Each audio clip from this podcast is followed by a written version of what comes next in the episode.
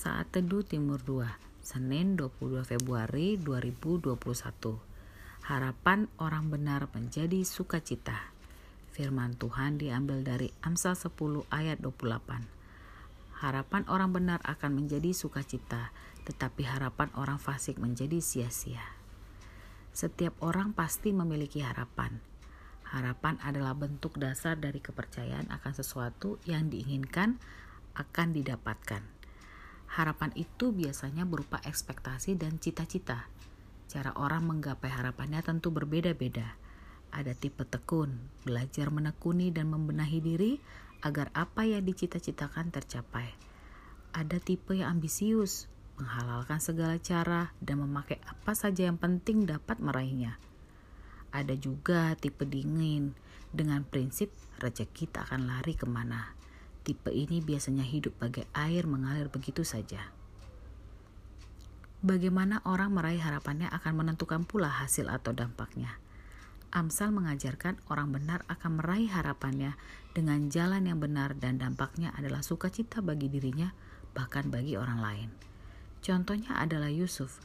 Kejadian 39 ayat 2a berfirman, "Tetapi Tuhan menyertai Yusuf sehingga ia menjadi seorang yang selalu berhasil dalam pekerjaannya.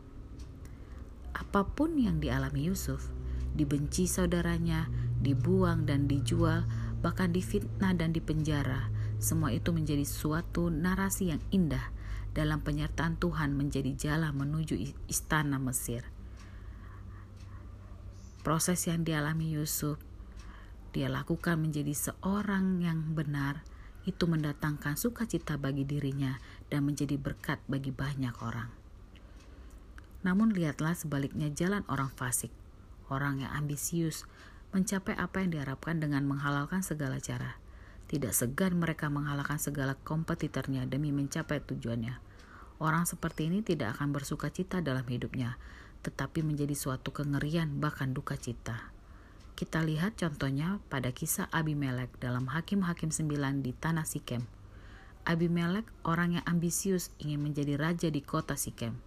Seluruh keturunan Yeru Babel ahli waris kerajaan dibunuhnya dan tak satu pun tersisa.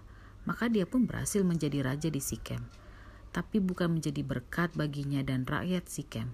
Rakyat penuh ketakutan, sengsara dan tak sejahtera karena terancam Abimelek sendiri akhirnya mati ditimpa batu. Abimelek mencapainya, namun tidak menjadi sukacita baginya dan rakyat kota Sikem. Contoh lainnya adalah kisah Adolf Hitler, seorang yang ambisius, segala yang dianggap menghambat dirinya dari kerikil hingga tantangan besar harus disingkirkan. Hitler menjadi kengerian dan mendatangkan duka cita. Semuanya menjadi sia-sia. Firman Tuhan hari ini mengingatkan kita bahwa harapan orang benar mendatangkan sukacita, tetapi harapan orang fasik menjadi sia-sia. Siapakah diri kita di hadapan Tuhan? Siapakah orang benar itu? Ulangan 6 ayat 25 mengatakan, Dan kita akan menjadi benar apabila kita melakukan segala perintah itu dengan setia di hadapan Tuhan Allah kita seperti yang diperintahkannya kepada kita.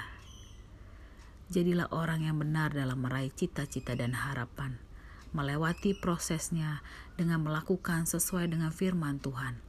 Dan hal ini akan memberikan bukti pada hasilnya yang mendatangkan sukacita, bahkan bahagia bagi diri kita dan menjadi berkat bagi orang lain. Jangan iri pada jalan orang fasik, sekalipun seolah meraih apa saja yang diinginkan, tapi apakah hal itu mendatangkan sukacita bagi dirinya dan orang lain, atau malah sebaliknya menjadi petaka dan bencana bagi banyak orang. Mari Bapak, Ibu, dan saudara-saudariku, dalam semua harapan kita raihlah sebagai orang yang benar, melakukan sesuai dengan firman Tuhan, supaya hidup kita bersuka cita dan hidup kita menjadi berkat dan sukacita bagi banyak orang. Selamat menikmati hari baru dengan penuh sukacita. Tuhan Yesus memberkati.